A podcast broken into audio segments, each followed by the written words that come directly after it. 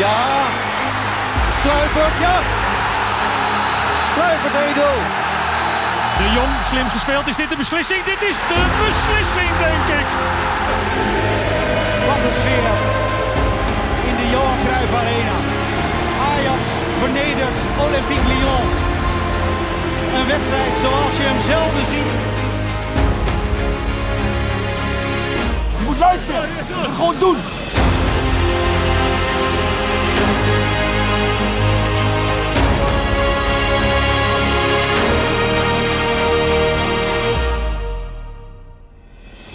Welkom allemaal, daar is hij weer, de tweede aflevering van de Ajax Live podcast van en voor supporters. Je kunt meepraten, je kunt meedoen, je kunt eh, je commentaar achterlaten. Ehm, we, we, lezen alles, we horen alles. We hebben zometeen natuurlijk ook weer de babbelbox die weer druk gebeld is. Daar zal ik het telefoonnummer ook nog even van noemen. Belangrijke weken voor het eh, voetbal in het algemeen. Uh, nog belangrijker voor Ajax. 1 oktober is de loting voor de Champions League. Daar gaan we het ook even kort over hebben. Want we weten natuurlijk nog niet wie we loten op het moment dat we dit opnemen. Maar laten we maar snel gaan beginnen. We gaan naar de vrouw met het rood-witte hart. Het is Amber Rone. Amber, hoe is het met je? Ja, goed, uh, Daniel. Ja, nou ja, het gaat goed, maar wij, uh, het zijn ook belangrijke weken überhaupt uh, voor de wereld en voor Ajax en supporters. Want wij nemen op vlak voor de persconferentie uit Den Haag. En welke maatregelen er eventueel worden aangekondigd, aangescherpt. Mogen we wel of niet naar het stadion? En het lijkt nu zo te zijn dat de komende drie weken sowieso zonder publiek gespeeld gaat worden. Ja, ik hoorde het in de auto onderweg hier naartoe. En ik, uh, zat meteen even in mijn telefoon te checken uh, wat dat dan precies betekent. Groningen uit, dus zonder publiek. Dat is de wedstrijd die Ajax uh, daar moet spelen. Dan is er een interlandperiode toch van een week? ja, anderhalf, ja. Anderhalve week. En dan speelt Ajax thuis tegen Herenveen. En dat zouden dan in ieder geval de wedstrijden zijn zonder publiek. Ja, dat, uh, dat lijkt nu zo te zijn. En dan gaan ze in de herfstvakantie 20 oktober evalueren. Um, nou, moet ik heel eerlijk zeggen dat ik het eigenlijk tot nu toe leek het goed te gaan. Um, ben jij in het stadion geweest al? Nee, nee. nee. Nou, bij Ajax RKC ben ik wel even geweest. Dat was die eerste wedstrijd. Uh, ik, heb, ik heb wel alles uh, afgelopen weekend natuurlijk gevolgd. En al die complimenten die uh, werden uitgestort over de voetbalsupporters. En ja, die blijken dus dan niet gehonoreerd te worden, blijkbaar. Nee. Dat is wel jammer. Nee, dat is super jammer. Nou ja, dat wordt thuis, thuis kijken met elkaar whatsappen en een live verbinding. Dat gaan we oplossen. En nou ja, dan als we maar kunnen genieten van de club. Want laten we het vooral ook niet over, vergeten om over de actualiteit ook even te spreken. Want ja, de wedstrijd afgelopen zaterdagavond. Wat, uh, wat vond je ervan? Wat nou, was jouw hoogtepunt? Nou, eerst even de statistieken, want er zijn bijna 13.000 kaarten verloot. Er waren 9200 supporters in het stadion. Dus dat betekent dat er ook wat kaarten zijn verloot die niet zijn gebruikt. Dat is toch wel even iets om uh, vast te stellen, denk ik. Vind ik wel jammer uh, aan één kant. het was zaterdagavond 9 uur, dat kan ermee te maken hebben. Wat vind jij er eigenlijk van? Is dat lekker of vind je dat vervelend? ik vond het in dit geval wel lekker, omdat ik toch uiteindelijk ook deze keer uh, de kroeg in ben gegaan. Wel netjes op afstand, het kon daar makkelijk. Maar ook omdat de kroegen eerder dicht gingen, lig je toch op tijd op bed. Maar ik vond het, ja, zaterdagavond, uh, het was toch een soort van uitje ineens. Um, ik kon het op beeld dus niet zo heel goed zien hoe vol het nou zat, maar het zag er toch redelijk gezellig uit. Je kon de supporters horen. Ik vind het wel gek dat inderdaad dan toch een groot aantal heeft besloten om geen gebruik te maken van het feit dat ze ingeloond zijn. En ik vraag me dan toch af waarom niet. Ja.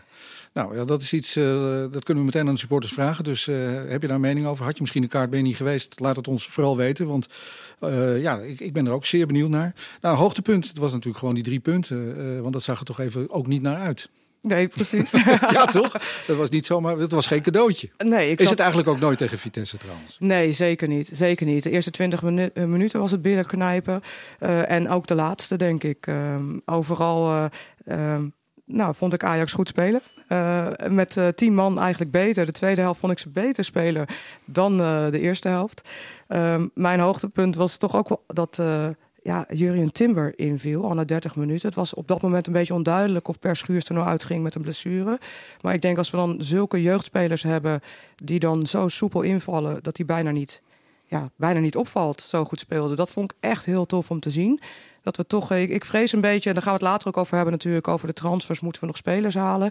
Uh, ik vrees een beetje voor achterin bij Ajax. We zijn een beetje dun bezet, maar zo'n invalbeurt vond ik wel echt te gek. Dus dat was voor mij een van de hoogtepunten. En um, ja, natuurlijk, uh, Kudus, Anthony, uh, het doelpunt van Anthony.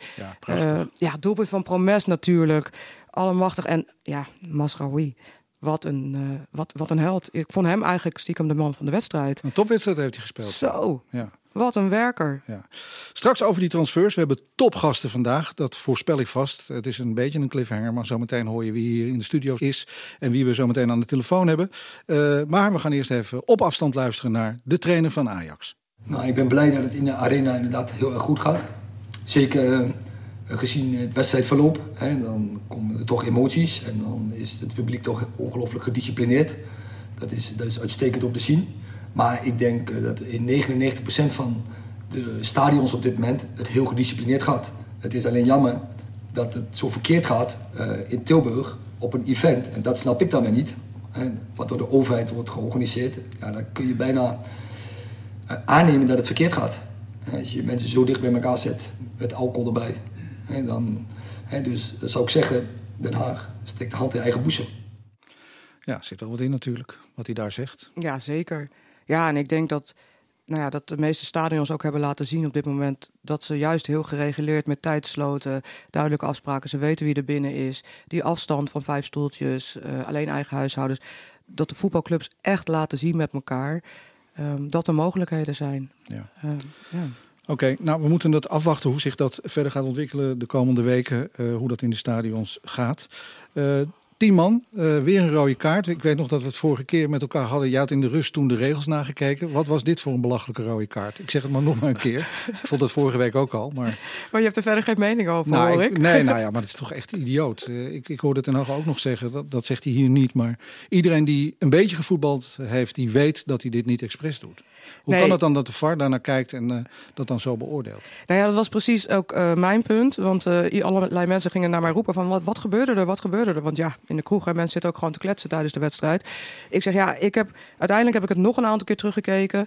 En ja, je ziet gewoon, zijn ogen zijn gericht op de bal. Zeker niet om bewust op die voet te gaan staan. En wat ik eigenlijk nog veel lastiger vind in dit geval... is dat de scheidsrechter Paul van Boekel staat er zelf twee, drie meter vanaf. Hij kijkt naar de situatie, hij laat het eigenlijk gaan... en vervolgens wordt hij gecorrigeerd door de VAR. En volgens mij is de VAR daar niet voor bedoeld. Want dan ga je het beeld stilzetten, ziet het er veel ernstiger uit. En ja, het kan een heftige blessure opleveren... Maar in dit geval, hij doet het zeker niet expres. Ja, ja, en volgens de regels mag je natuurlijk rood geven. En ik denk dat je als scheidsrechter ook niet anders kan als je naar de kant geroepen wordt. Dat je bijna moet. En ja, ik vond hem daarna ook. Blind kreeg nog geel voor praten. En, de, de gebeurde, en daar kregen we een vrije trap voor tegen. Vitesse kreeg een vrije trap door het praten van Blind. Het was daarna ook helemaal chaos. Dus. Ja, in dit geval was de VAR aan alle kanten even de weg kwijt, inclusief Paul van Boekel naar mijn mening. Maar ja, kortom, Ajax moet verder met uh, tien man. Uh, naar Groningen, ja. ja. En, uh, ja. en, en dat was vorige week natuurlijk ook al. Um, we hebben um, Quincy Promes over het spelen uh, in een systeem met tien man. We hebben een systeem die we toepassen als we met tien man komen te staan. Dus we weten wel ongeveer wat we moeten doen. Maar wat ik al zei, het is altijd zwaarder met een man minder. En je moet gewoon extra lopen. En gewoon alles aan boord houden. En 45 minuten is heel lang met 10 man. Maar nogmaals, ik kan alleen maar hier met trots zitten dat we de drie punten hebben. En uh, op naar volgende week. Zo is het ook natuurlijk. Zo is het ook. Ja, en die goals waren natuurlijk fantastisch.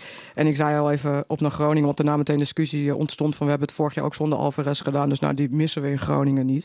Ben ik het niet helemaal mee eens. Maar het valt me wel op dat Ajax met 10 man echt wel heel erg... Ja, eigenlijk nog bijna beter elkaar weten te vinden in al die ruimtes ineens. Ik weet komt niet het vuur erin op de een of andere manier toch. Ja, dat is een beetje wat ik uh, voel als ik zit te kijken. Ja, en dat uh, vind ik op zich ook wel een prestatie. Maar ik weet niet of we er blij mee moeten zijn dat je dan nou ja, nog maar drie wedstrijden ver bent. Twee rode kaarten. Ik weet niet hoeveel gele kaarten. En dus al heel vroeg in het seizoen straks allemaal schorsingen en spelers moet gaan missen. Of anders zouden de spelers getriggerd worden door uh, dat Bazoer uh, die bal toch ja, moet ik gewoon eerlijk zeggen, heel mooi binnenschiet. Want uh, ook dat uh, zet iedereen wel heel erg op scherp. Uh, en, en, en, ik las overal dat hij provoceerde, maar hij was gewoon blij met zijn goal, denk ik. Uh, dat kan je natuurlijk minder leuk vinden. Maar hij zat er wel mooi in, toch? Ja, een beetje saai, maar hier ben ik het wel met je eens. Het was een fantastische goal. Uh, zo, en... zo leuk dat je een keer met me eens bent ook. Ja, één keertje. dat gaan we niet de hele tijd doen. Maar in dit geval wil ik het best met je eens zijn. Oh, mooi, ja. En ik ben een beetje een watje. Want ik denk dan, ja, jij, maar die jongen die heeft helemaal niet zo heel veel verkeerd gedaan. Hij is via de achterdeur vertrokken bij Ajax. En uh, hij heeft een plekje gevonden bij Vitesse. Maar het is wel iemand uit de Ajax-jeugd. En ik, ja, ik ben... Hij was ooit talent van het jaar, zelfs een jaar vier geleden onder Frank de Boer nog. Ja, Dus weet je, ja, sorry, maar ik ben, het was een fantastische goal. Uh, op dat moment Vitesse had ook wel, nou ja, toch wel kans op die gelijk maken. Als je hem dan zo binnen schiet, dan mag je ook gewoon juichen, want hij is nu speler van Vitesse. Dus ja, tuurlijk mag je blij zijn. En wat er achteraf gebeurde, ja, niemand weet het geloof ik precies. Dus laten we daar vooral geen woorden aan vuil maken. Nou, ik had het net al even over het vuur dat dan in de ploeg uh, sluipt. Uh, een beetje, ja, dat iedereen dan op scherp komt. Daar heeft uh, Quincy Promes ook nog iets over gezegd. Ja, temperament. Daar hebben Surinamers ook last van.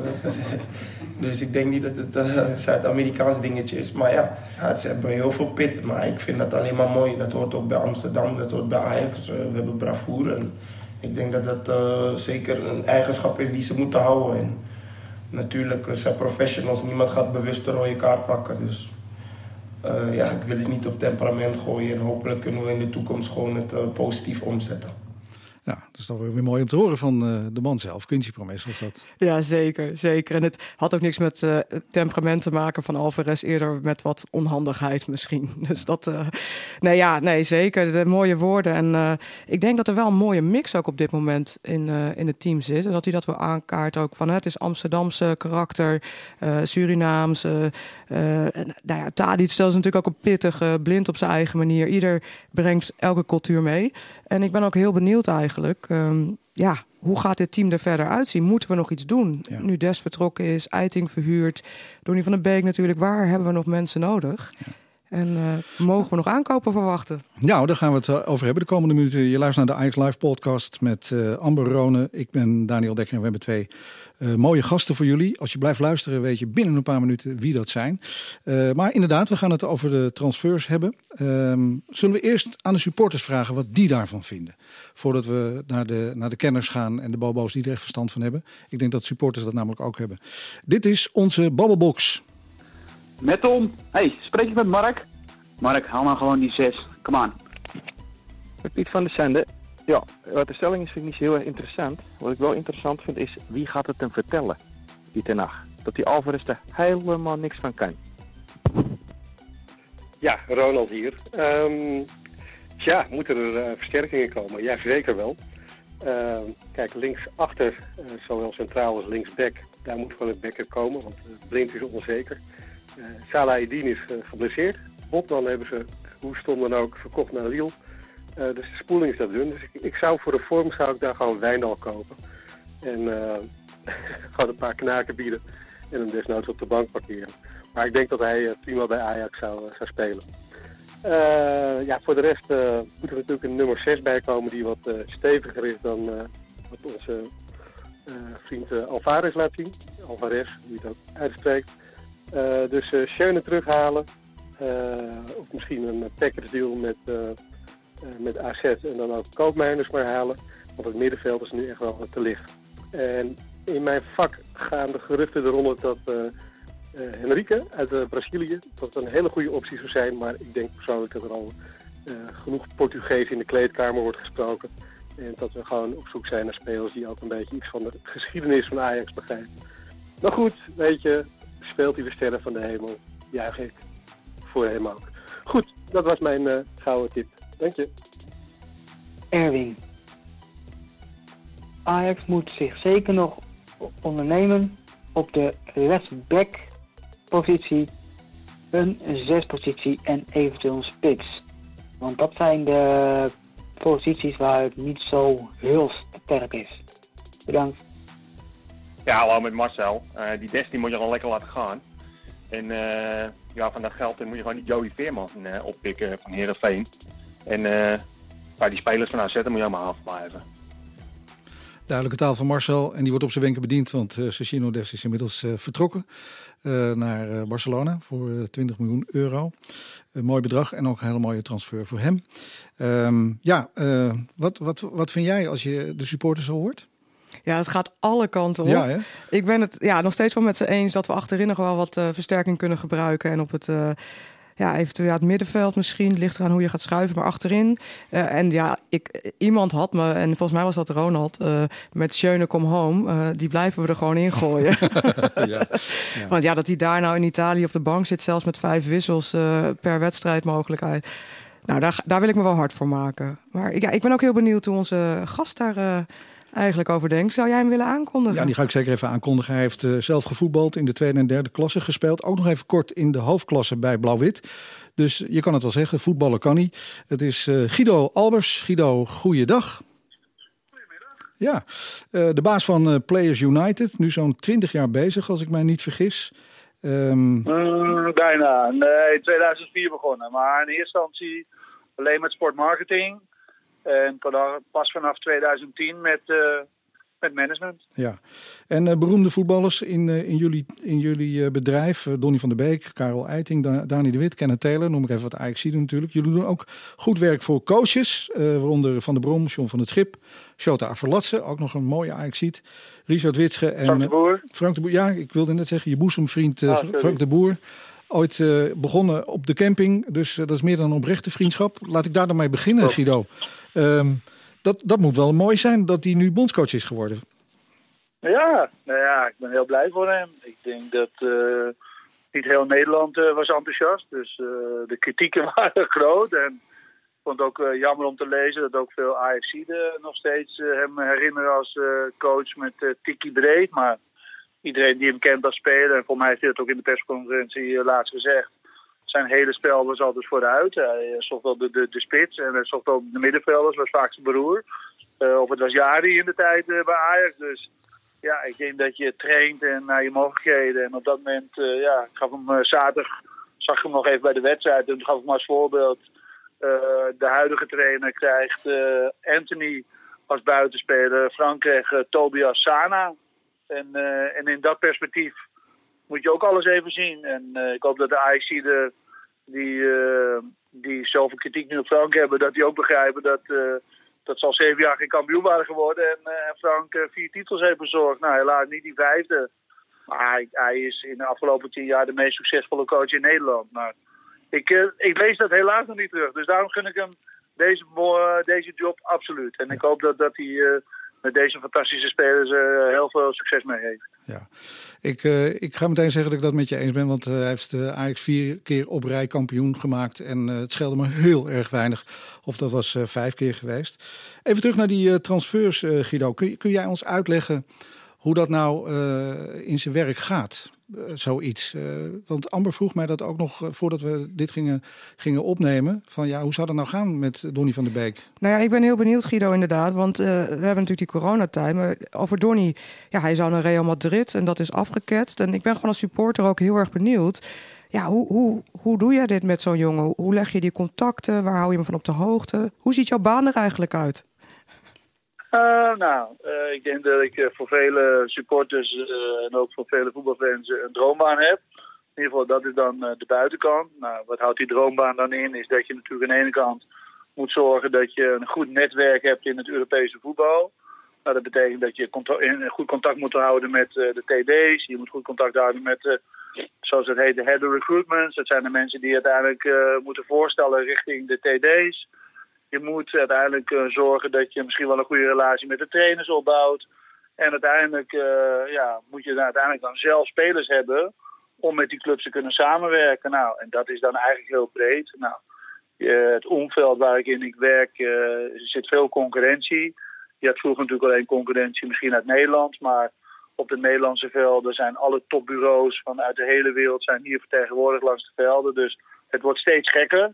En dat betekent dat je ja, uh, uiteindelijk moet kijken wat past bij jou, welk DNA past goed bij jou, welke spelers passen goed bij jou. En ja, ik vind dat ik daar voor mezelf wel een keuze heb gemaakt waar ik zelf wel ja, in ieder geval blij mee ben en, en daar een goed gevoel bij heb. Dus het is niet voor niets dat de types zoals Karel, de types zoals de, Dani de Wit, uh, Morgan Donny, uh, ja, en in dit geval nu uh, recent dan een Kenneth Taylor. Ja, dat zijn gewoon jongens die heel goed bij mijn DNA passen. En ja, dat is iets.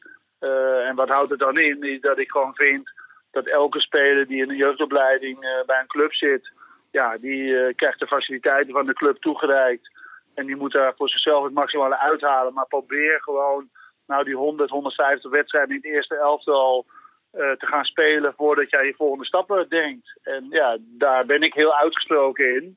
En helaas heel veel van mijn andere collega's niet. We, praten met Guido Albers, hij is zaakwaarnemer Players United, onder andere van Karel Eiting, Donny van der Beek.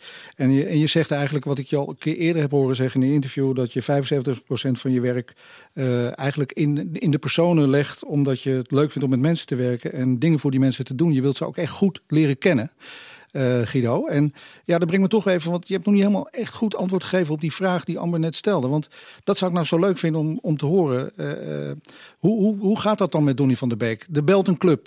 die, word jij meteen gebeld of gaat dat via via? Nou ja, dat ligt natuurlijk een beetje aan om welke speler het gaat. Maar Donny van der Beek? Van Donny, nou, in dit geval bij Donny was het eigenlijk als volgt. ik denk na zijn goede race vorig jaar in de Champions League en natuurlijk ook het succes van Ajax nou, stonden meerdere spelers in belangstelling van Europese clubs.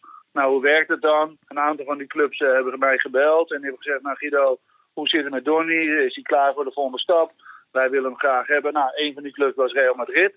Nou, ik denk dat uh, als Real Madrid belt, nou, dat je daar natuurlijk altijd serieus uh, naar moet luisteren. Nou, dat hebben we gedaan.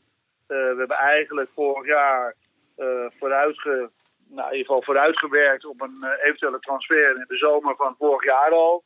Ajax was daar uh, pertinent tegen. Uh, met name omdat natuurlijk uh, Matthijs en Frenkie ook al weggingen. En ze wilden wel nog een stuk van de, van de as wilden ze in stand houden. Mm. Dus we hadden daar een deadline over afgesproken. Nou, die hebben we niet gehaald met Real Madrid. En toen is hij gebleven. Maar we hebben wel eigenlijk alles in orde gemaakt voor het jaar erop. Dus vorig jaar zijn eigenlijk alle papieren al getekend. En nou, we zijn in, nou, ik denk dat het december, januari was, is Madrid hier geweest. Uh, op het kantoor van Mark en met Edwin gesproken. En zit jij er dan ook bij, Guido? Daar ben jij dan ook bij? Ja, natuurlijk. Ja, ja. Nee, dat is mijn werk, dus ja. daar ben ik ook bij.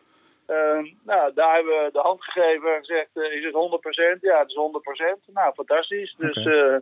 we houden het nog even stil. En dan na het seizoen ja. gaan we, zeg maar, in, in, de, in de komende maanden wordt hij gekeurd. En dan in de zomer gaat, hij, gaat hij over naar Madrid. Nou ja, dat was het uitgangspositie in januari. Toen kwam corona en toen zag de hele wereld er anders uit. En ja, dat is ook voetbal. Dus dan is dat contract waarin al de clausules zitten. En een van de clausules was, en voor mij heb ik het laatst ook weer eens gezegd, is natuurlijk dat hij nog medisch gekeurd moest worden. Nou, dat kon niet, want ten eerste was er corona. En ten tweede wist Madrid dat ze er ook meteen aan vast zaten. Dus is ervoor gekozen om het ja, voorlopig ook weer een deadline uh, erin te brengen. Hmm. Nou, die hebben we niet gehaald natuurlijk met Donny overlegd van ja, wat wil je? Wil je per se wachten op Madrid? Of uh, sta je ook open voor de andere clubs die al contact hadden opgenomen? Nou, dat wilde hij wel. Dus toen hebben we nog meerdere clubs gesproken. En uiteindelijk is zijn keuze op, op, uh, sorry, op Manchester United gevallen. Ja, nou, daar help jij hem ook bij. Je adviseert hem daar natuurlijk ook wel bij, toch? Ik uh, adviseer zeker, maar ik vind dat een speler daar altijd een eigen beslissing ja. moet nemen. Want ik hoef er niet te gaan voetballen. Nee. Hij moet gaan voetballen. Uh, dus ik vind het belangrijk is een contactmoment met de trainer. Nou, dat heeft hij gehad. Uh, nou, dat is natuurlijk wel jammer dat het allemaal op afstand is. Weet je, want normaal is dat gewoon face-to-face. -face, en dan krijg je ook nog een ander gevoel bij. Nou, dat kon helaas niet.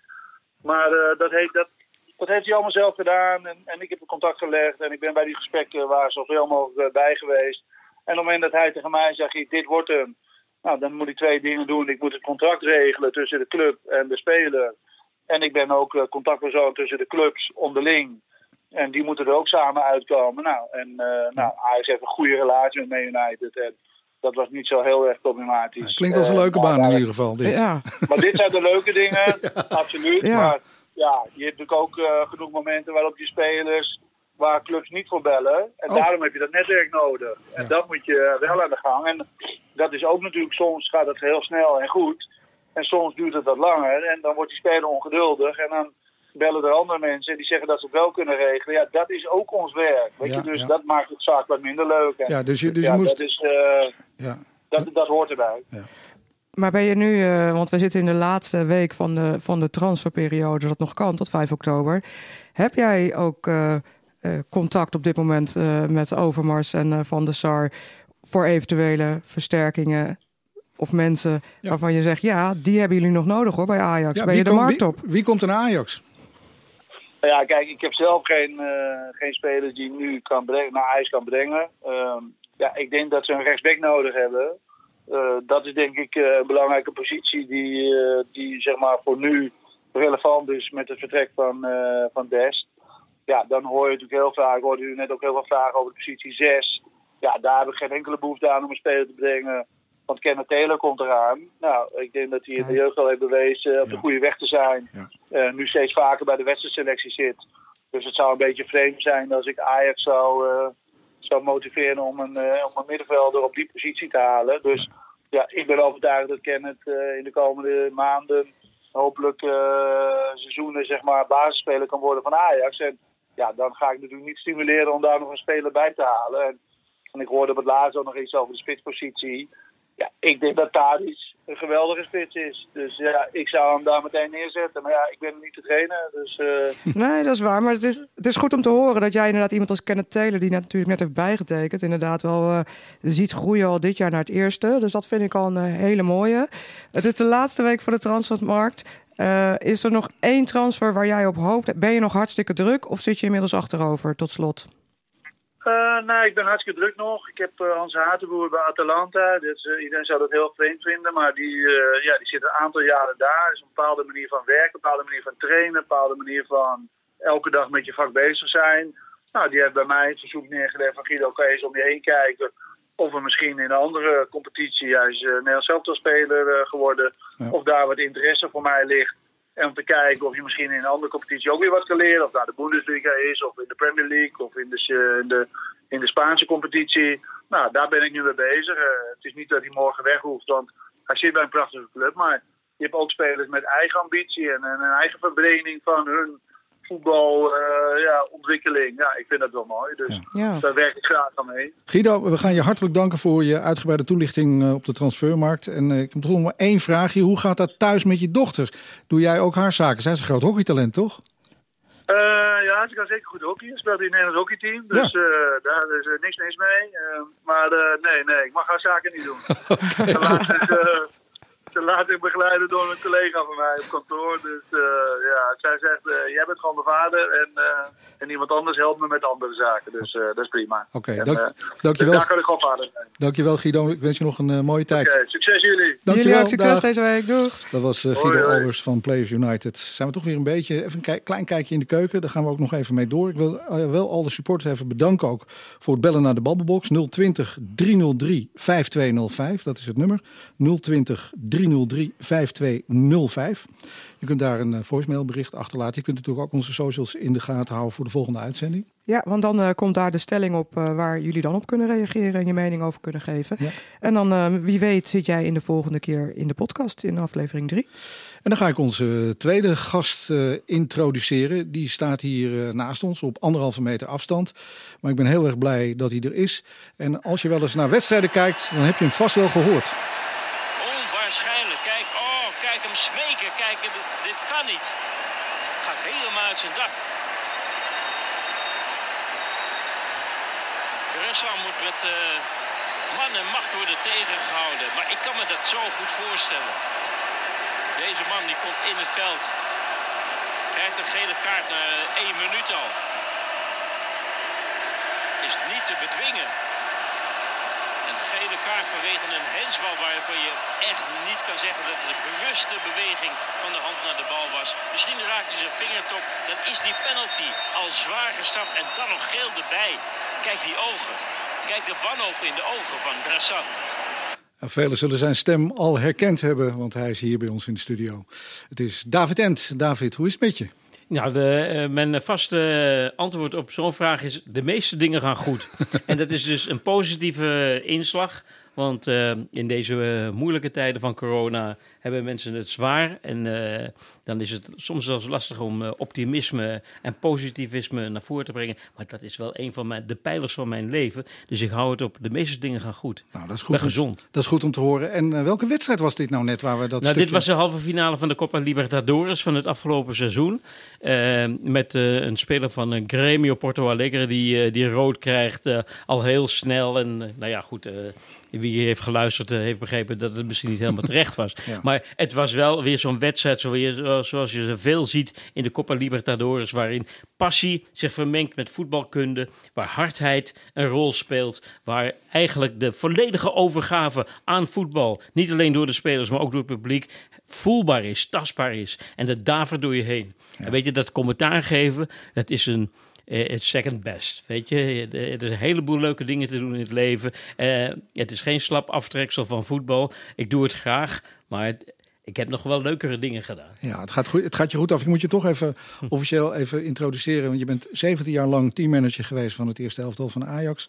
Eh, je bent eh, ook cultuurbewaker van de club. Ik kan me nog herinneren dat ik iets bij Ajax ging doen... en dat ik kort met jou sprak... en dat jij een heel mooi plan had gemaakt voor de kinderen hier in Amsterdam Zuidoost. Een heel mooi plan. Eh, dat, dat tekent wel een beetje hoe jij als mens ook bent.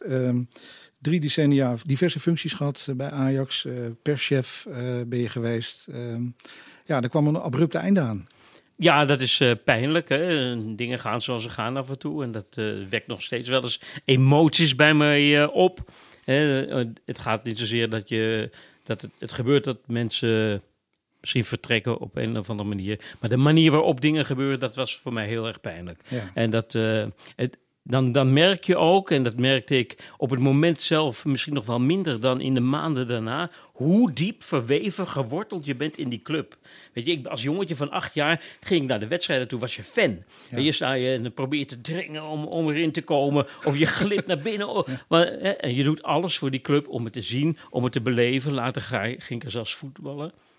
Dat is ook iets, een soort droom die waar wordt. En dat je denkt, is dit allemaal wel waar? Klopt het wel? Dat ik hier sta. Ik stond toch eerst op die tribune daar en nu sta ik op het veld. Of, eh, ja, al die dingen bij elkaar zorgen voor een heel zwaar fundament van rood en wit.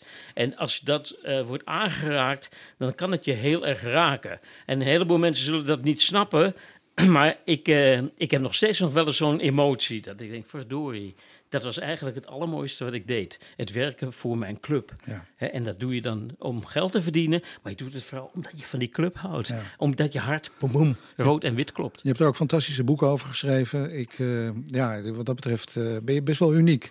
En, en misschien ook helemaal niet geschikt eh, om bij zo'n professionele grote voetbalclub of een beursgenoteerde onderneming te werken. Ja. Want, want, wat dat betreft, ja, nee, wat dat betreft, je, je, je zegt het zelf, maar je stapt bij Edwin van der Sar in de auto, zo is het een beetje gegaan, toch? En eh, jullie kwamen ergens vandaan en dan heb je nog tijd voor een kop koffie en toen was je je baan kwijt. En, en iedereen, eh, ja toch, iedereen liet je toch wel een beetje zwemmen daarna. En eh, wat dat betreft Nou. ben je eigenlijk op een rare manier, tenminste dat vind ik dan. Maar Ja. laat Het- ik het tegen je zeggen, je bent, je bent zo'n Ajaxiet, en dat beschrijf je ook net. Dat is gewoon eigenlijk kloten dat dat zo gegaan is. Ja, Daniel, dank je wel. Ik, ik voel me ook wel een echte Ajaxiet en dat wordt ook niet ondermijnd. Het was ook een moeilijk moment. Maar ook, ook daar moet je overheen, weet je. Ja. Teleurstellingen verwerken, dat is een van de Ja, capaciteiten maar het zijn de mensen waar je, waar je, waar je, die je begeleidt ook als teammanager en zo. Daar heb je natuurlijk successen, daar heb je mee gehaald, Ja. ge- gejuicht, eh, van alles mee meegemaakt. Dat lijkt me echt super heftig. Maar goed. Allemaal, allemaal waar, maar ik denk ook dat de andere, andere kant ook wel emoties waren. Die heb ik ook wel gezien in de ogen van Edwin. Oké, goed zo. Nou, laten, we dit, laten we het daar niet over hebben, laten we naar de Ja. toekomst kijken. Want Amber, we hebben het eh, over transfers. En hier staat een man die ooit zei, zaakwaarnemers, dat zijn rovers en piranha's. Ja. En, en nu is hij er zelf een. Dus ja, dat- ik, ben, ik ben zomaar in die vijver gevallen. Ja, wat doe je dan? Je pas je aan, je, je vormt kieven en je gaat ook... eh, Ja, want we mogen jullie fe- feliciteren, toch? Dit jaar ben je begonnen, toch? Als, eh, als voetbalmakelaar. Ja, de- officieel ben ik dit jaar begonnen met een eigen bureau. Dat heet Atlanta. En eh, dat be- we zitten op bescheiden schaal natuurlijk. En je hebt net eh, Guido Alberts horen vertellen over zijn invalshoeken. Nou, en veel van die dingen, daar kan ik wel in meegaan. Ik heb ook een groot hart voor de speler, voor de voetballer, voor de mens. Om te kijken hoe ver ik hem kan helpen te begeleiden naar eh, het hoogtepunt van zijn eh, voetbalbestaan. En dat probeer ik op een zuivere manier te doen. Dat is mijn insteek. En eh, ik wil niet, ik ben behoorlijk op leeftijd nu al. En ik wil niet dat mijn naam, die redelijk goed is, nog bezoedeld gaat worden door een of ander eh, vreemde move. Om iemand met een dolksteek in de rug om te brengen om een speler te pakken of wat te doen. Het is een gek, gek, eh, gek werk. Af en toe voel ik me een colporteur die je vuilniszakken aan de, ja, aan de man brengt en een voet tussen de deur zet. Want je moet eh, soms ja, buiten jezelf treden om dat werk goed te doen. Ik ben daar niet goed in. Ik ben niet goed in het Nee, meneer, ik koop niks van u. Precies, ja. En dan zeg ik toch, nee, maar het zijn wel de beste. dus, dus daar gaan we niet aan beginnen. Nee. Maar, eh, want ik heb ook een, twee partners in crime, in beauty ook. En die, eh, die doen het zakelijke gedeelte en ik doe met name het mentale, technische uh, gedeelte van de echte begeleiding. Het hart hebben voor je speler, begrijpen waarom iets fout gaat. Af en toe aanspreken op dingen die ze wel moeten doen. Hè, want sociale vaardigheid is niet alleen maar aardig zijn en aai over de boom, maar af en toe ook een tik uitdelen of zeggen waar het op staat. En eh, dat is wel het leukste van het werk. Het leukste van het werk is om te zien hoe een speler zijn stappen maakt. Hè? En zijn droom misschien uh, waarheid laat worden. En voor de een is dat misschien de, de bovenkant van de keukenkampioen-divisie. En voor een ander is dat misschien Champions League. Maar als ze er maar alles ervoor doen Hè, en met, met hart en ziel er, uh, aan werken. En met mijn hulp, met mijn veronderstelde wijsheid. Hè, dat ik ze met mijn ervaring die ik overal heb opgedaan. in al die jaren bij Ajax. dat ik ze een stapje kan helpen. Nou ja, dan, dat is de, de grote bevrediging. En die bevrediging is vele malen groter dan een grote zak met geld. omdat je iemand zo even achter de rug om hebt verkwanseld. Ja. ja. Nee, nee, ik wilde ik opeens schiet me te binnen van ja. Zullen we dat eens concreet maken, Cicino Dest? Want die heb jij begeleid. Ja, ik heb uh, voordat ik met mijn eigen bedrijf begon, werkte ik voor een ander bureau. En uh, daar was Serginho, Serginho Dest ook aan verbonden. En het was niet een makkelijk kereltje.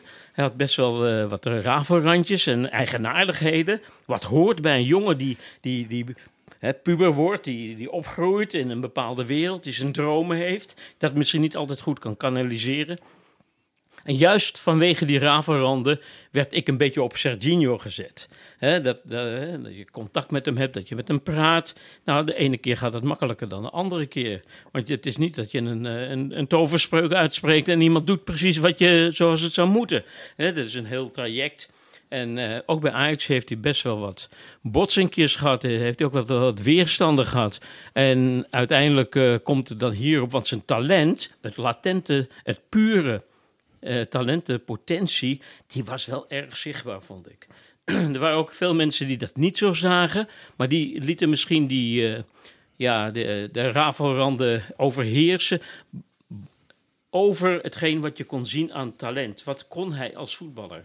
En dan dacht ik, jee, fantastische techniek voor een verdediger, geweldige mentaliteit. Uh, niet kapot te krijgen. Kan op links spelen, kan op rechts spelen, kan achter spelen, kan voorspelen. Dat is een, dat is een goudklomp. Dat, weet, dat wist je dan. En dan gaat het erom dat je die goudklomp laat glimmen, dat je hem oppoetst en dat je af en toe, wanneer er een bluts in is, dat je het even bijschaart. Mooi, maar dat, dat is...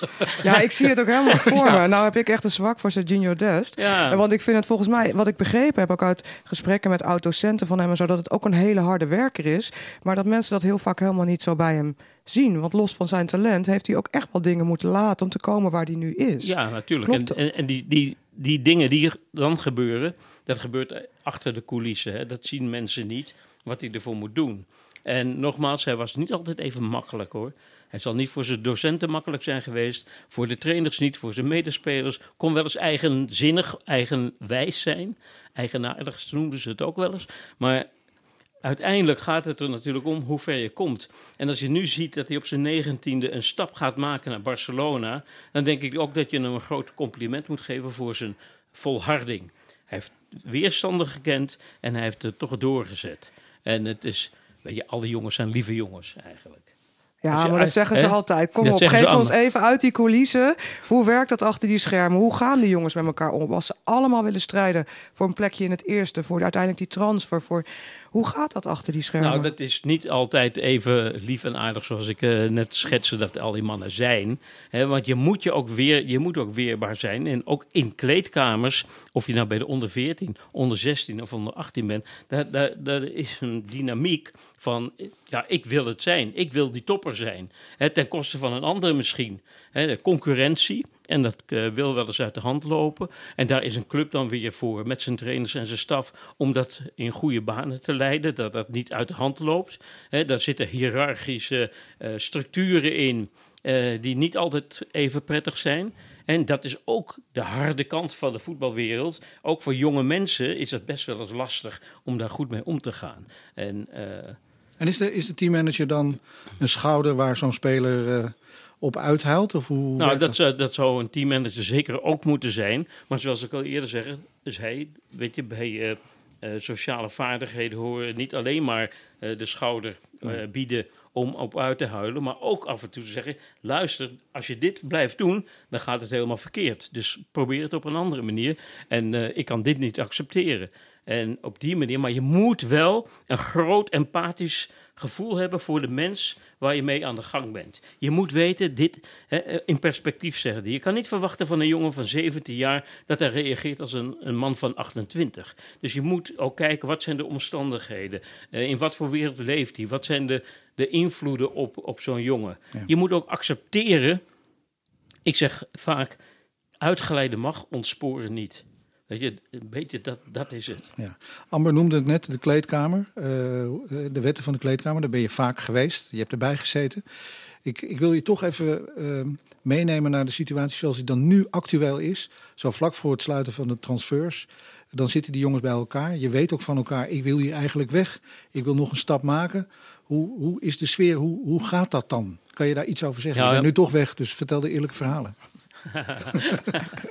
ik ga niet helemaal uit de school klappen. Hoewel, Nee, nee, nee. dat moet ook niet. Zoveel geheimzinnigs is er ook niet aan hoor. Want ik kan niet van nu praten. Maar ik denk niet dat die dynamiek erg veranderd is met, eh, met zeg maar 10 of eh 15 jaar geleden. Iedereen weet van elkaar hoe het werkt. En iedereen weet dat die speler eigenlijk bezig is met zijn transfer. En dan is er ja, soms is het eh, eh, een beetje jaloezie, maar het echte misgunnen is er ook niet. Ze weten het en iedereen gaat voor zijn eigen ding en accepteert dat misschien een speler ook wel eens rebelleert om iets voor elkaar te krijgen. Dat wordt dan veel meer dan in de buitenwereld, wordt dat bijna geaccepteerd van ja, hij doet het, eh, want hij wil er beter van worden. En er gebeuren wel eens eh, zaken die je daglicht niet helemaal kunnen velen. Maar in die kleedkamer is er wel een, een behoorlijke eenheid van dat denken. Want iedereen weet, we zitten in dit schuitje en iedereen probeert het beste voor zichzelf eruit te halen. Eh, ja, dat, eh, ik ben benieuwd. Nou, ik wilde nog even de afsluiting dan van Serginho Des. Want die had ineens de laatste minuut... Nou, het zat er aan te komen, maar die ging toch voor veel mensen verrassend naar Barcelona. Eh, was je in het stadion bij de wedstrijd? Nee, maar ik heb het eh, wel eh, indringend op televisie gezien. En ik zag hem dus tegen Vitesse zag ik hem invallen. En dan zag ik dat snoetje van hem. En toen dacht ik, wat gaat er allemaal door dat hoofd heen? Wat heeft hij allemaal meegemaakt? Hij heeft...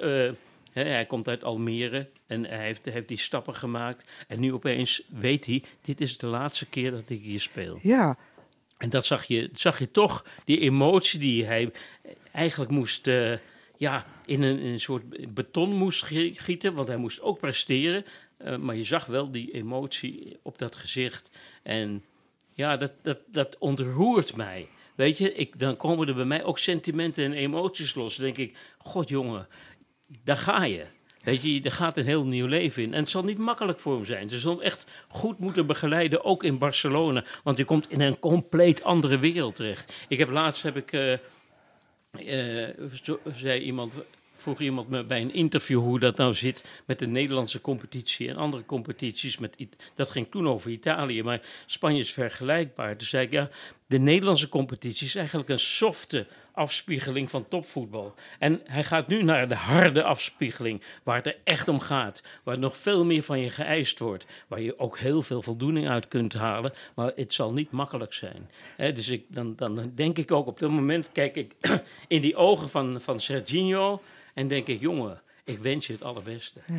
En als je hem nog één tip zou mogen geven. Stel, je had hem, had hem gesproken nog voordat hij naar Barcelona ging. Wat had je hem nog op het hart willen drukken nu hij die, deze mooie stap gaat maken? Nou, ik, ik had hem willen zeggen, Serginho, wees trots op jezelf, maar weet ook dat het einde nog veel verder ligt. Hè, dat, je, dat je niet blij moet zijn alleen maar met dit moment, maar het moet een startpunt zijn voor de, zeg maar de 2.0 Serginho Dest. Mooi David, eh, nu je hier toch bent. ehm, eh, je hoorde Promes al eerder in deze podcast praten over eh, het gif. En eh, eh, hoe noemde hij dat ook alweer, Amber? G- De Grinta? Grinta. Eh, Grinta. Grinta. En eh, ja, ik weet, jij bent natuurlijk eh, ja, liefhebber van het Italiaanse voetbal. Daar weet je echt heel veel van. Maar eh, Zuid-Amerika ook. Hè? En daar, daar zit dat ook heel erg. Ik eh, begreep dat jij op Anthony eh, nog eh, zien. sp- Of tenminste, jij was een van de eerste Nederlanders die hem daar gezien hebben bij Sao Paulo, toch? Ja, en, eh, er werd mij ook eh, al vrij snel een, eh, een kwalificatie van hem eh, gevraagd. En toen heb ik gezegd, en gelukkig, weet je, ik zeg ook heel veel stomme dingen hoor. Maar dit was, dit was een was wel raak. dit was een rake. Want ik zei, het, hij kan een sensatie worden. Ja. Want ik heb hem zien spelen en dan zie je de snelheid. Weet je, bij een magische touch aan die bal. Waar, waar verdedigers denken dat ze, iets, dat ze de bal hebben, maar kansloos zijn. Ja. Weet je, dat is echt heel, heel bijzonder, heel apart. Ja. Dat zie je niet veel bij eh, spelers. En hij is wel een, eh, ja... Maar zijn dat, zijn dat dan die jongens die dat gif hebben en die iets meer brengen? Ja, Ja, kijk, wij zien dat natuurlijk wel bij Zuid-Afrika, eh, Zuid-Amerikanen. want we hebben dat met Sanchez. Dat was eigenlijk de eerste toch die bij Ajax... eh, of niet? Nou, we hebben nou? natuurlijk meerdere Zuid-Amerikanen gehad, hè, eh, ook in het verleden. Suarez. Maar, die was wel helemaal Ja. raak toen. Dat, dat, dat was echt Ja, een- nee, eh, Sanchez had echt eh, wat, maar die Cachera had het weer veel minder. Ja. Hè, die zag er weer veel softer uit. Maar Dus Telefico is weer juist iemand... Nou ja, Fico die heeft het weer in overdreven mate. Die heeft te veel. Hè, daar moet weer een beetje van afge- gehaald. Want al die gele kaarten, dat, eh, doet ook je team op een gegeven ogenblik pijn. Maar als je het eruit haalt, dan heb je misschien de helft van Taljefico. En dat moet je ook niet hebben. Eh, zulke spelers, die worden natuurlijk opgeleid, die groeien op in andere omstandigheden dan hier. Die, die, als je in Buenos Aires eh, speelt, eh, dan, Buenos Aires is ook een, een harde stad. Hè, er, er wordt gevraagd om eh, alles te geven, om te vechten voor je brood. Voetbal is vechten voor je brood. En dat geldt ook voor, eh, voor Brazilië, al die landen. Daar zit dus veel meer in dan alleen maar het voetbalaspect. En dat vormt een karakter. En die karakters kom je op, te- op straat tegen. Wanneer je een partijtje tegenspeelt op het beton. Maar die kom je ook tegen wanneer je ergens in een sloppenwijk op een zandveld speelt. En weer een stapje verder kom je daar tegen wanneer je in de jeugd van, nou ja, van Talleres, van, eh, van Boca of waar dan ook speelt. Ja. Dus dat is helemaal ingebakken. Dat, dat, eh, dat is geen ontsnappen aan. En er is ook, en dat vind ik ook mooi, bijvoorbeeld van het Argentijnse voetbal, dat er een bepaalde hiërarchie zit. Er zijn oudere spelers en dat zijn echt leermeesters. Die vertellen, jij, jij draagt de tassen vandaag en jij doet dit. Maar ze vertellen ook, hoe ga je om met een speler die teleurgesteld is? Zorg voor elkaar op een of andere manier. Dat is een, een compleet andere Ja, wereld. ik snap dat jou dat aanspreekt, want dat is natuurlijk ook eh, iets wat een teammanager natuurlijk ook een beetje heeft. Alleen op een andere manier dan. Ja. Hè, om, om mensen wegwijs te maken in die hiërarchie. Eh, is het ook nog zo dat spelers uit Brazilië of, eh, of, of spelers uit Zuid-Amerika bij een topclub eh, in Europa meer waard worden? Is dat ook een reden dat Overmars, want die is, daar een beetje beroemd Absoluut. om toch? Want het is een Nee, investering ook toch? Zo Ja, maar Overmars is natuurlijk, eh, eh, weet je, dat, dat is de, de opperkruidenier wat dat betreft. Die zorgt dat de schappen altijd vol zijn en dat het altijd met winst wordt verkocht. En dat doet hij uitstekend, hè? Dat, eh, daar heeft hij een bepaald gevoel voor. Dat, hè, ik wou dat ik een, een tiende van dat gevoel had, dan had ik misschien eh, twee dubbeltjes in mijn zak zitten. Maar hij kan het eh, fantastisch doen en zo werkt het. Zo, zo werkt die markt natuurlijk ook.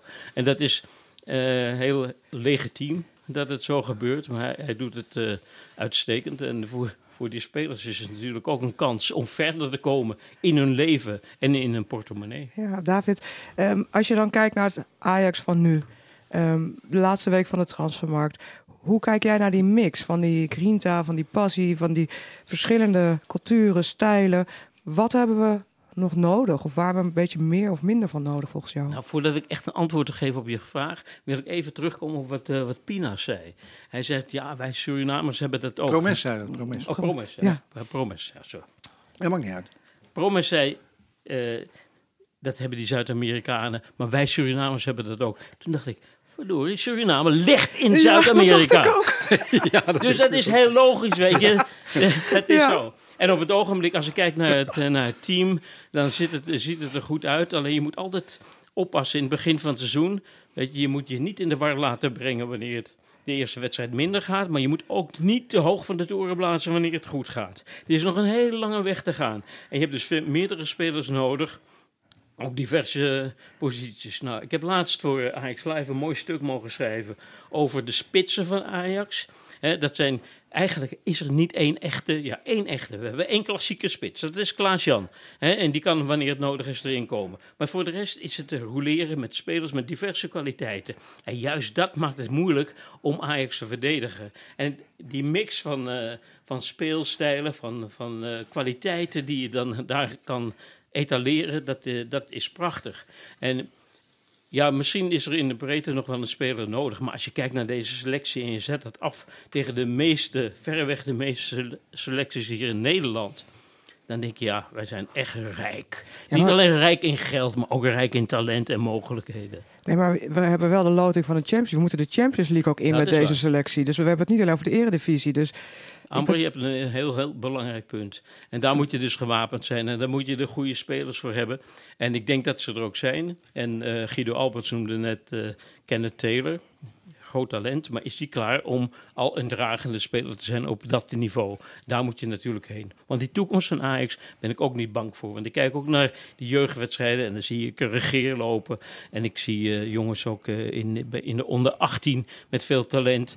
Da- daar zit genoeg. Maar die moeten klaar zijn voor dat grote werk. En daar heb je misschien jongens van een zwaarder kaliber nodig. Ik moet er niet aan denken wanneer Taljafico weggaat, wie je dan daar neer gaat zetten. Ja. Dat heeft iedereen. Jij hebt Ja. het ook zeker aan je ogen. Ja, ik wil niet dat hij gaat. Ik wil nog niet dat hij gaat. Nee, natuurlijk niet. Dat wil niemand eigenlijk. Dus je, je, moet- je, moet, je moet misschien nog één of twee spelers voor die, voor die diepe gelaagde, voor de dubbele bezetting hebben. En, en en heb jij dan in, in alle wedstrijden die je ziet en alle spelers die je in de loop der jaren in de gaten houden, heb jij iemand op het oog dat je zegt, nou die zou er klaar voor Ja, zijn? of misschien wel bij het kantoor. eh. Ja, nou ja, precies. Verkoop Ja, hem. ik, Hier. ik, ik, ik zit in, bij Atlanta zitten we in een segment van jongere spelers en die moeten hun eerste stappen maken. ik zit nog Oh, niet ja. Nee, nee. aan dat niveau. Oké. Maar ik, eh, ik, weet je, ik heb, ge- ik, ik heb genoten van Kudus. Hè? Ja. Eh, Zeker.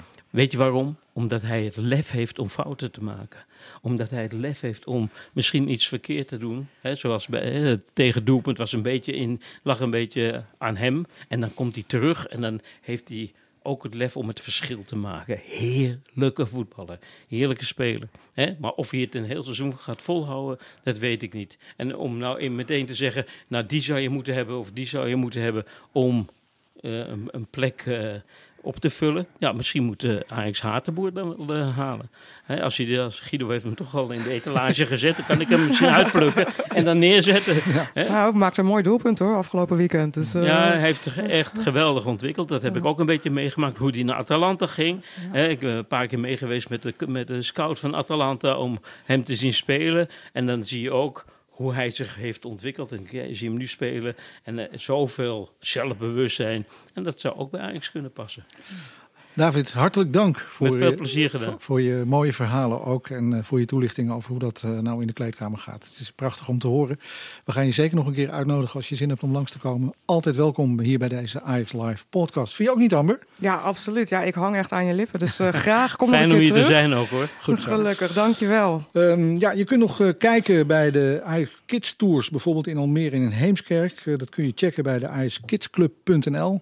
Dit even voor iedereen die nu meeluistert en die denkt, nou, is er nog iets leuks eh, te beleven op de Ajax Live kalender? Eh, dus check dat vooral. Eh, de Ajax Live valt nu bij iedereen op de mat. Wij hebben hem hier al. Die ziet er weer prachtig uit met Ryan Gravenberg op de cover. En ja, ik ga het niet vergeten deze keer. Ik wilde je nog wel even één ding vragen. Heel belangrijk. We gaan loten 1 oktober voor de Champions League. We zitten in pot 2, dus Barcelona niet, Manchester United niet. Heb jij één club waarvan je denkt, nou, daar zou ik nou graag wel tegen willen loten? Ehm, een Juventus, een Liverpool, een... Nou ja, dat zijn natuurlijk allemaal topaffiches. Dus eh, ja, ik vind het niet zo heel. eh, ja, ik hoop dat we, dat we goed loten. Zodat we lang plezier hebben eh, van, van de wedstrijden van Ajax. Dat is eigenlijk alles wat ik, wat ik graag zou willen. Heb jij dat dan? Ja, ik zou het heel leuk vinden natuurlijk Liverpool, Ju- Juventus. Omdat zij gewoon echt ja, op dit moment ook met de Nederlands spelen. Maar ook gewoon het, het aanzien. Volgens mij doen wij het altijd het beste tot nu toe. De afgelopen periode tegen de topclubs. Ja, dat is waar. Ja. En, dus wat eh, betreft eh, is- zitten we niet in de goede pot misschien. Nou ja, en we, en we zitten als, als we pech hebben allemaal thuis naar de wedstrijden te kijken. Dus dan wil ik ook goede wedstrijden zien graag. Dus dat 1 oktober, de loting, houd het in de gaten, dan is het er meer bekend. En natuurlijk eh 5 oktober sluit die transfermarkt. Het wordt een spannende week. Dank allemaal weer voor het luisteren. We zitten, het zit er alweer op, de tweede aflevering van deze Ajax Live podcast. En als je het nou leuk vindt en met plezier naar ons hebt geluisterd... en naar onze gasten van vandaag. Laat ook even een review achter. Like, abonneer. Je kan via alle podcastkanalen, want we zijn natuurlijk heel benieuwd uh, wat je ervan vindt. En uh, dat horen we graag. En ook als je tips, meningen, adviezen hebt, uh, hou vooral ook de socials in de gaten. En vergeet de Babbelbox niet te bellen natuurlijk. En je comments zijn van harte welkom. Komt nog net een berichtje binnen dat Ajax na ruim 20 jaar een punt zet achter de samenwerking met Ajax Cape Town. Ze hebben een akkoord bereikt over de verkoop van het aandelenbelang van 51 procent. Daar gaan we nog meer over lezen en horen de komende dagen. En dan sluiten we natuurlijk af. Hij is ietsje langer dan een minuut. Maar het is wel de man die uh, deze Ajax Live podcast mag afsluiten. En dat doet hij altijd onnavolgbaar. Hier is buschauffeur Piet.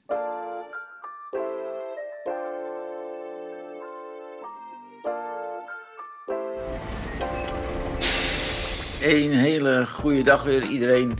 We zijn uh, natuurlijk ontzettend blij met de afgelopen wedstrijd tegen Vitesse. Wat een testcase was dat zeg. Afschuwelijk. Maar uh, toch gewonnen. Nu is het alleen geen kwestie van uh, achteroverleunen, want nu staat Groningen weer voor de deur. En nou, we weten dat we de laatste wedstrijd daar verloren hebben. En het is nu te hopen dat daar de ex-Ajaxiden zoals een Dankelui en een Pat en een Matusiwa dat die ons niet de das om gaan doen zoals Bassoer het bijna deed. Maar we, gaan er denk ik toch wel uh, positief in. Uh, FC Groningen heeft de laatste wedstrijden slechts uh, één doelpunt gescoord. En nou, wij mogen toch aannemen dat Ajax dat wel meer kan doen. Ik vind het altijd geweldig dat vanuit alle wensstreken van Nederland de supporters overal naartoe gaan. Zelfs vanuit Den Bosch vertrekt er altijd een, een bus. Dus dat is best een, een, heel, heel eindje rijden. Eén voordeel wat betreft de corona die we nu hebben. We weten in het verleden is ooit eens de bus van Ajax in de fik gestoken. Nou, gezien de corona lopen we dat risico nu niet. Alhoewel ik best me kan voorstellen dat jullie uh, liever in Groningen hadden gezeten dan uh, achter de, televisie. Maar goed, laten we toch maar met uh, een goede verwachting naartoe gaan leven. In ieder geval een hele goede week en alvast een hele goede wedstrijd met een goede afloop. Tot de volgende keer.